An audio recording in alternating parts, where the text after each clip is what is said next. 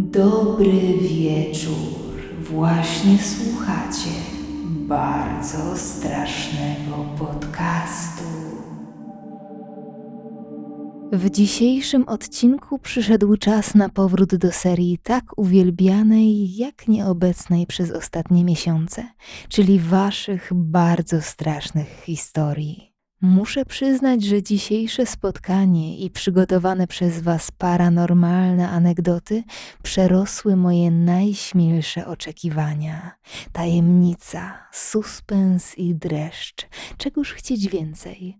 Zatem już tradycyjnie rozsiądźcie się wygodnie, zapnijcie pasy, bawcie się dobrze i bójcie się jeszcze lepiej. Historia pierwsza. Mam 34 lata, trzyletnią wkrótce córkę, narzeczoną i dwa wspaniałe kundle. Do niedawna mieszkaliśmy we Wrocławiu w bloku z wielkiej płyty. Pracuję w międzynarodowej firmie w branży produkcyjnej. Produkujemy komponenty dla firm związanych z przemysłem militarno-obronnym oraz kosmicznym, bardzo techniczno-inżynieryjne stanowisko. Urodziłem się jednak w województwie lubelskim, miejscowość Puławy. Mało ludzi wie, że w Puławach znajduje się obserwatorium astronomiczne z olbrzymim teleskopem optycznym. Przez znajomości mojego ojca od małego miałem dostęp do tego miejsca.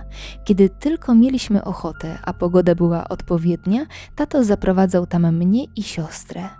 Oglądaliśmy księżyc i planety naszego układu. Wspaniała sprawa.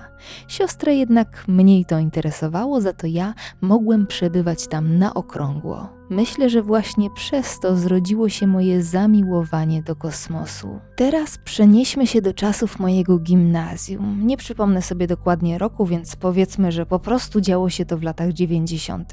Mój ojciec uwielbiał oglądać z archiwum X i pozwalał mi na wspólne seanse mimo ostrych sprzeciwów mamy. Ta z kolei pozwalała nam oglądać serial Colombo, co spowodowało moją późniejszą fascynację tematyką true crime. I tu zaczyna się moja przygoda z nieznanym. Jak wspomniałem, nie mam pojęcia, ile mogłem mieć wówczas lat, ale na pewno był to wiek gimnazjalny, przełom lat 90. i 2000. W każdą niedzielę chodziliśmy do dziadków w odwiedziny. Najpierw tych od strony mamy, a później od strony taty. Była późna wiosna, rok szkolny. W poniedziałek czekała nas szkoła, dlatego od dziadków wyszliśmy około godziny 20-21. Na zewnątrz było już zupełnie ciemno, a mrok potęgował prawie zupełny brak osiedlowych latarni. Zawsze po wyjściu z budynku zadzierałem głowę i wpatrywałem się w rozgwieżdżony nieboskłon. Umiałem nawet rozróżniać planety, które można w nocy zobaczyć gołym okiem. Lubiłem ich szukać na nocnym niebie. Tego wieczoru niebo było czyste i ciemne, bardzo ciemne. Wydaje mi się, że na osiedlu wysiadły latarnie, bo pamiętam, że widziałem nadzwyczaj dużo gwiazd. Po przejściu paruset metrów raz jeszcze spojrzałem w niebo. Zobaczyłem nagle międzynarodową stację kosmiczną dryfującą po niebie. Tak mi się przynajmniej wydawało. Przyglądałem się przez chwilę, jak niewielki punkt wielkości Wenus leci z północy na południe. Zrobiłem paręnaście kroków, po czym znowu zadarłem głowę i tu zaczęło się widowisko. Nadal widziałem jasny punkt, który przesuwał się w tym samym kierunku, jednak niespodziewanie po czterech jego stronach pojawiły się cztery inne, nieco mniejsze źródła światła. Leciały dokładnie z tą samą prędkością, w tym samym kierunku. Razem tworzyły idealny kształt krzyża. Kompletnie mnie zamurowało. Rodzice i siostra byli już ładnych paręnaście metrów dalej. Nie dostrzegłem konturów obiektu, a może było to pięć różnych punktów, które leciały w formacji? Tego nie wiem, ale zakładam, że obiekt był jeden. Po prostu jego światło pozycyjne dołączyły do centralnego dopiero w pewnym momencie. Dlaczego tak twierdzę? Pamiętam, że to coś, przecinając niebo, w pewnej chwili zasłoniło gwiazdę, która nie była dostrzegalna między świetlistymi punktami. Zakładam więc, że to musiała być całość. Niecodzienne widowisko obserwowałem przez około minutę. Nagle wszystkie światła po prostu zgasły. w okamgnieniu, pozostawiając mnie samego w ciemności ze wzrokiem niemo wbitym w rozgwieżdżony nieboskłon. Dodam, że niedaleko Puław, w Dęblinie, jest lotnisko wojskowe. Samoloty i helikoptery często latały nad naszym miastem, dlatego byłem pewny, że to nie to. To nie był samolot ani nic, co już wcześniej byłem w stanie na niebie dostrzec. Jedynym punktem odniesienia, jaki miałem, były bloki wokół mnie. Miały one, z tego co pamiętam, 6 do 8 pięter. Obiekt leciał znacznie wyżej. Wydaje mi się nawet, że mogło to być półtora do dwóch kilometrów nad ziemią, zatem całość mogła mieć nawet kilkaset metrów długości. Przypomnę również, że były to lata 90. Telefony komórkowe nie były powszechne, a już na pewno nie miały aparatów. Drony również należały jedynie do futurystycznej wizji przyszłości. To tyle, jeśli chodzi o obserwacje UFO. Mam jednak jeszcze parę paranormalnych historii. Zastanawiam się tylko, jaka była chronologia tych zdarzeń. W czasie studiów w Lublinie mieszkałem z ówczesną dziewczyną w jednym z wielu blokowisk. Niektóre bloki w tamtych czasach miały stare schrony. Grube, naprawdę grube żelbetowe ściany. Wejście do nich nierzadko poza standardowymi drzwiami miało wielkie żeliwne drzwi na zasuwy i pokrętła. Pamiętam, że Sąsiad, który pędził bimber w piwnicy, miał działającą oryginalną maszynę wymiany powietrza, jeszcze z czasów wojny, które uchodziło do jednej z wielu pokryw znajdujących się na zewnątrz kopuł. Niesamowicie to wszystko wyglądało. Nasze mieszkanie miało własną piwnicę, która była w takim właśnie wielkim korytarzu bunkrze. Czasami musiałem zejść tam po jakieś przetwory czy znieść rower. Były części tej budowli, w których czuło się nie tyle strach, co pewien niepokój, jakby ktoś na ciebie patrzył, za to w innym punkcie to dziwaczne poczucie kompletnie znikało, pomimo tego, że wciąż przemierzało się ciemny i raczej mało przytulny korytarz. Oczywiście, jak nie trudno się domyślić, miałem to szczęście, że pomieszczenie, które należało do nas, znajdowało się w tej przerażającej części podziemi. Zawsze wchodziłem tam szybko i wybiegałem jak poparzony w pośpiechu, gasząc za sobą światła.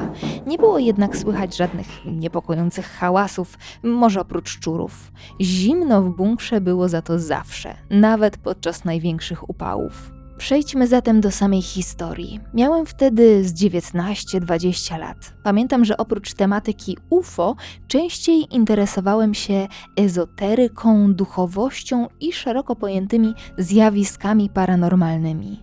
Nigdy jednak nie wywoływałem żadnych duchów, nie przyzywałem ich, zawsze traktowałem te tematy z szacunkiem. Pewnego dnia, nie pamiętam już czy powodowany ciekawością, chęcią poznania nieznanego, czy sprawdzeniem własnej wytrzymałości, postanowiłem pójść do piwnicy z komórką, porządnym nowym telefonem, chyba najlepszym jaki kiedykolwiek miałem. Nie zapalając światła, usiadłem w naszej piwnicy i kompletnie zesrany ze strachu włączyłem dyktafon.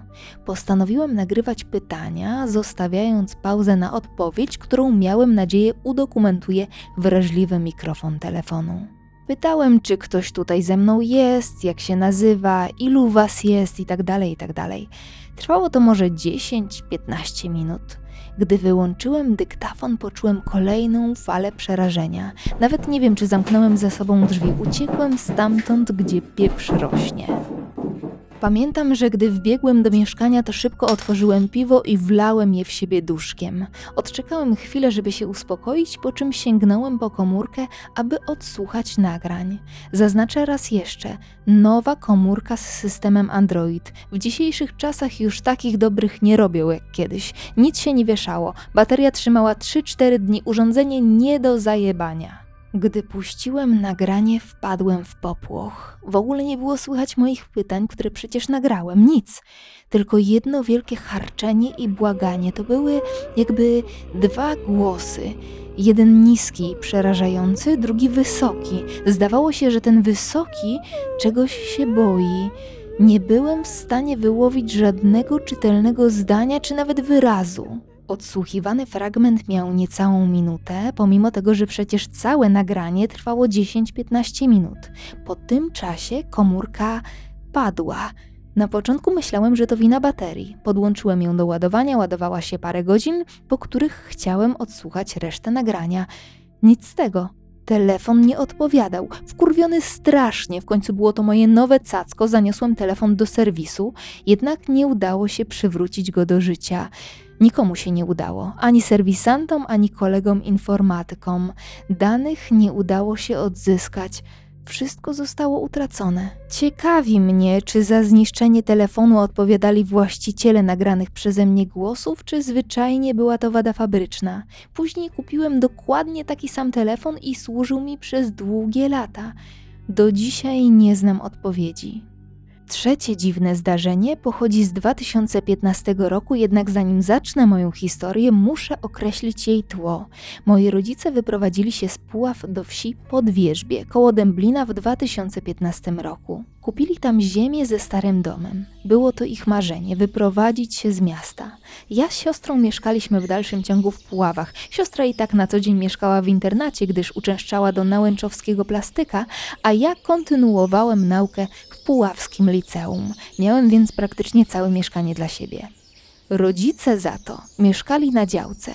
Zburzyli tamten stary budynek, zbudowali na jego miejsce dom w stylu kanadyjskim, wyrównali grunt, zasypali dwie ziemianki należące do dawnego gospodarstwa.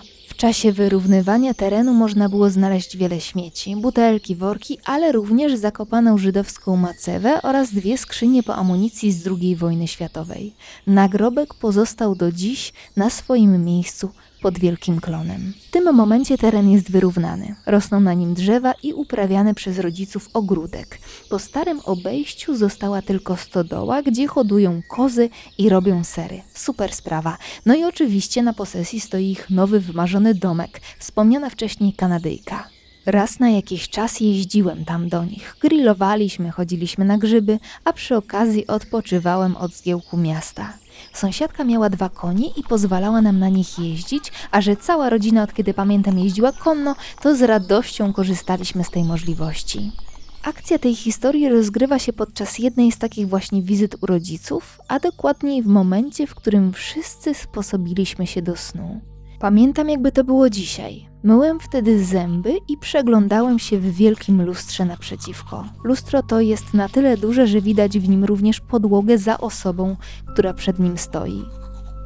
Po umyciu zębów schyliłem się, by wypłukać usta. Nabrałem wody, wyprostowałem się i zerknąłem na swoje odbicie, energicznie płucząc zęby. Schyliłem się ponownie, wyplułem wodę, znowu się wyprostowałem i odkryłem, że tuż za mną, po prawej stronie, stoi dziecko.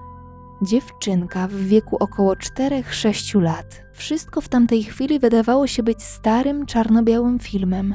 Miała dwa długie warkocze, była ubrana w sukienkę z lat 40., jak wyjęta z czasów II wojny. Nie uśmiechała się, tylko patrzyła prosto w moje odbicie. Wszystko trwało dosłownie kilka sekund, bo niemal błyskawicznie odwróciłem się, żeby zerknąć za siebie. Nikogo tam nie było. Spojrzałem w lustro, a jednak stała tam.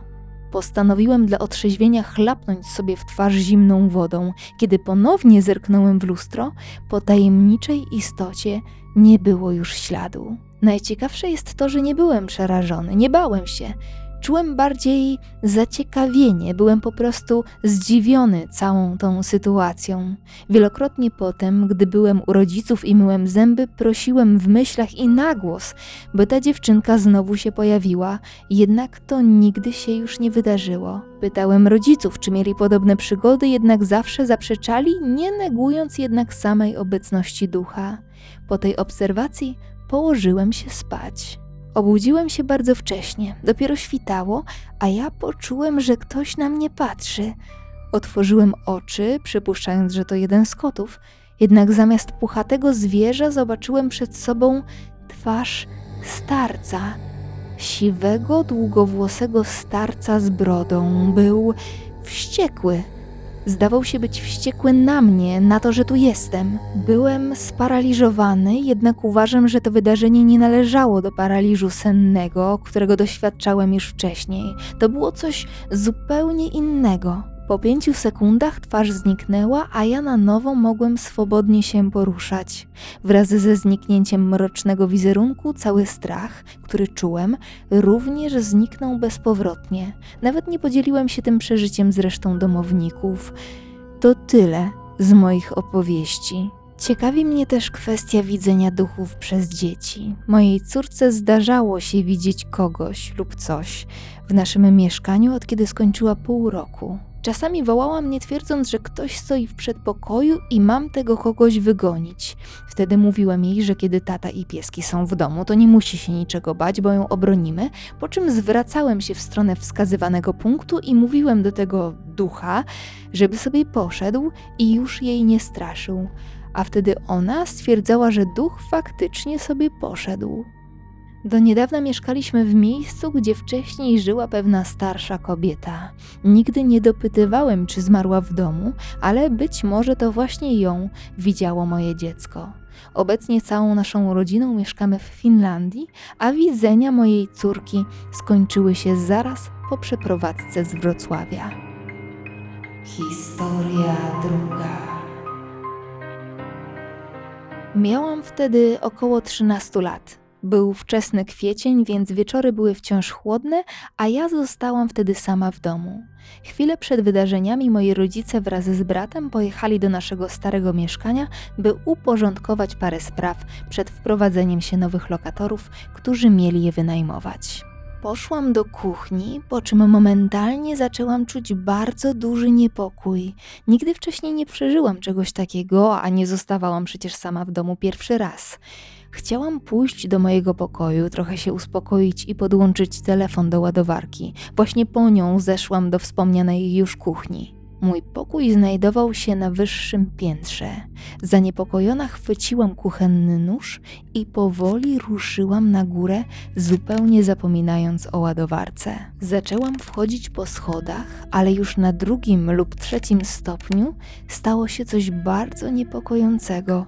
Usłyszałam kapanie wody. Dźwięk nie ustawał. Pomyślałam więc, że może to telewizor w salonie, ale ten był przecież wyłączony. Weszłam na kolejny stopień i momentalnie zamarłam. Usłyszałam czyjeś klaskanie.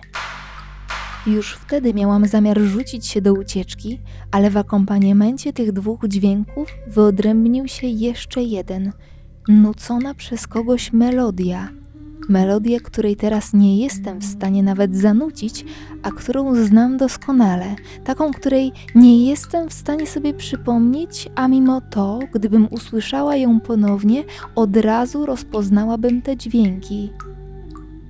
Wtedy miałam dość. Najszybciej, jak tylko potrafiłam, chciałam uciec z domu, ale drogę na dwór zagradzała mi jeszcze jedna przeszkoda zamknięte na klucz drzwi. Ręce trzęsły mi się jak cholera, ale udało mi się je otworzyć i wybiec stamtąd najszybciej, jak umiałam. Wszystkie te dźwięki towarzyszyły mi aż do momentu opuszczenia domu.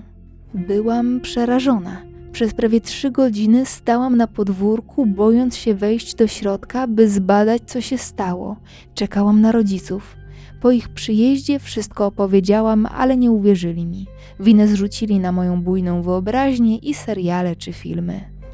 Wyjaśnili, że parkiet na górze mógł pękać przez zmianę temperatur, a w łazience woda zaczyna kapać od czasu do czasu, tak po prostu. Ale mimo wszystko Dźwięk pękającego parkietu trwałby chwilę, ułamek sekundy. Zresztą już nieraz słyszałam dźwięki, o których mówili rodzice, i żaden nie był choćby zbliżony do klaskania, jakie słyszałam. A woda oczywiście mogła kapać, ale nie słyszałabym tego tak wyraźnie przez zamknięte drzwi łazienki. Każde urządzenie w domu było wyłączone. Mój telefon był rozładowany, a telefony innych domowników zostały zabrane przez nich, kiedy szykowali się do wyjazdu. Nie miałam wtedy laptopa czy tabletu, a komputer stacjonarny w tamtym czasie pozbawiony był głośników i monitora, które były w naprawie. Nawet pisząc o tym, wciąż mam dreszcze na całym ciele, mimo że zdarzyło się to już bardzo dawno temu. Wielokrotnie starałam się wyjaśnić sobie źródło tych dźwięków, ale już po krótkim namyśle wykluczałam wszystkie możliwości. I wciąż boję się tego kogoś, kto nucił te melodie nie wiem, które uczucie jest gorsze. To, że ktoś mógł znajdować się wtedy w moim domu, czy prawdopodobieństwo, że sytuacja może zdarzyć się ponownie, a ja kolejny raz nie będę w stanie wyjaśnić żadnej z tych sytuacji. Historia trzecia. Do zjawisk paranormalnych mam stosunek co najmniej ambiwalentny. Z jednej strony jestem sceptykiem, który 90% opowieści o duchach traktuje z przymrużeniem oka, z drugiej uwielbiam horrory, straszne historie i dreszczyk na plecach. Może dlatego, kiedy ludzie dookoła mnie dzielili się od zawsze swoimi przeżyciami, spotkaniami trzeciego stopnia i niesamowitymi snami, jakaś część mnie odrobinę im zazdrościła, żeby tak spotkać coś nadprzyrodzonego, myślałam. No cóż, jak to mówią, uważaj, czego sobie życzysz, bo może się spełnić. To było milion lat świetlnych temu, kiedy jeszcze studiowałam. Trwały ferie zimowe, a ja przyjechałam do domu i spotkałam się z moją najlepszą przyjaciółką. Mieszkała w niewielkim mieszkaniu, w typowej wielkiej płycie. Trzy pokoje, kuchnia, łazienka, nic co by przypominało wielkie nawiedzone zamczyska rodem z kultury popularnej. Okazało się jednak, że właśnie to na pozór zwyczajne miejsce uważa się za nawiedzone. Niedługo po zapoznaniu się z Kingą, kiedy dowiedziała się, że kręcą mnie wszystkie niewyjaśnione zjawiska, beztrosko oznajmiła mi, że ma w domu ducha. Kiedy jej rodzice kupowali to mieszkanie, zapytali sprzedającego o poprzednich właścicieli. Dowiedzieli się, że mieszkała tu para z nastoletnią córką. Córka jako nastolatka zaszła w ciążę ze szkolnym kolegą. Ponieważ nie wiedziała, jak sobie z tym poradzić i nie uzyskała żadnego wsparcia od bliskich, popełniła samobójstwo w łazience. Po tym strasznym wydarzeniu jej rodzice rozstali się, sprzedali mieszkanie i zrobili wszystko, żeby o całej sprawie zapomnieć. Według Kingi co jakiś czas w mieszkaniu działy się drobne, dziwne rzeczy. A to okno otworzyło się na oścież samo, a to przechodząc przez korytarz kątem oka dostrzegła jakiś zamglony cień przemykający pod ścianą, kiedy z pewnością była sama w domu. Te historie przyprawiały mnie o ciarki, ale nic więcej. Uważałam je za kolejną creepypastę o tyle bardziej fascynującą, że podawaną z pierwszej ręki i przez osobę, której wierzyłam, a właściwie lubiłam wierzyć. Tego dnia, kiedy odwiedzałam Kingę, jej rodziców nie było w domu. Siedziałyśmy u niej w pokoju, jednym okiem oglądałyśmy jakiś serial, skubałyśmy chipsy i gadałyśmy o wszystkim, co tylko przyszło nam do głowy, żeby nadrobić czas, w którym się nie widziałyśmy. W pewnym momencie przeprosiłam ją na chwilę i poszłam do łazienki. Ponieważ pod sufitem suszyło się pranie, po wyjściu nie zamknęłam drzwi, żeby nie zawilgotniało. Siadłam znowu w fotelu i złapałam czujne spojrzenie Kingi. Nie zamknęłaś drzwi. Zauważyła. Głos miała dziwnie napięty. No nie, bo widziałam, że pranie. Ona tego nie lubi. Co proszę? Roześmiałam się, ale atmosfera w pokoju momentalnie się zmieniła. Jakby coś wisiało w powietrzu. Wyczułam jeszcze jakąś obecność prócz nas. Z fotela miałam widok na cały korytarz i drzwi do łazienki, które, o Boże, które teraz trzaskały rytmicznie, jakby ktoś koniecznie chciał je zamknąć. Ktoś, kogo fizycznie z nami nie było. Telewizor zgasł i ponownie się zapalił. Firanka w oknie, zamkniętym oknie, przecież był luty do cholery, zaczęła się poruszać, a kółko dla chomika, którego miała Kinga, samo się obracało. Całe mieszkanie wydawało się pulsować energią, która dosłownie fruwała pod sufitem. Gdybym była mniej odważna, z pewnością uciekałabym w podskokach i nigdy w świecie tam nie wróciła. Wodziłam oczami od firanki przez klatkę chomika aż do drzwi, które nie przestawały trzaskać. Kinga zdecydowanie wstała z fotela, podeszła do łazienki i zatrzasnęła drzwi. Kiedy to zrobiła, wszystko ucichło. To uczucie przypominało wiatr, który gwałtownie przestał wiać. W powietrzu nie czuło się już nic. Spojrzałam na Kingę. Mówiłam ci, że jest, powiedziała, a ja wciąż pokryta gęsią skórką powoli pokiwałam głową. Nigdy wcześniej, ani nigdy później mi się to już nie przydarzyło, mimo że kontakt z Kingą ciągle mam. Ale po tym zdarzeniu coś się jednak zmieniło. Jestem o wiele mniejszym sceptykiem.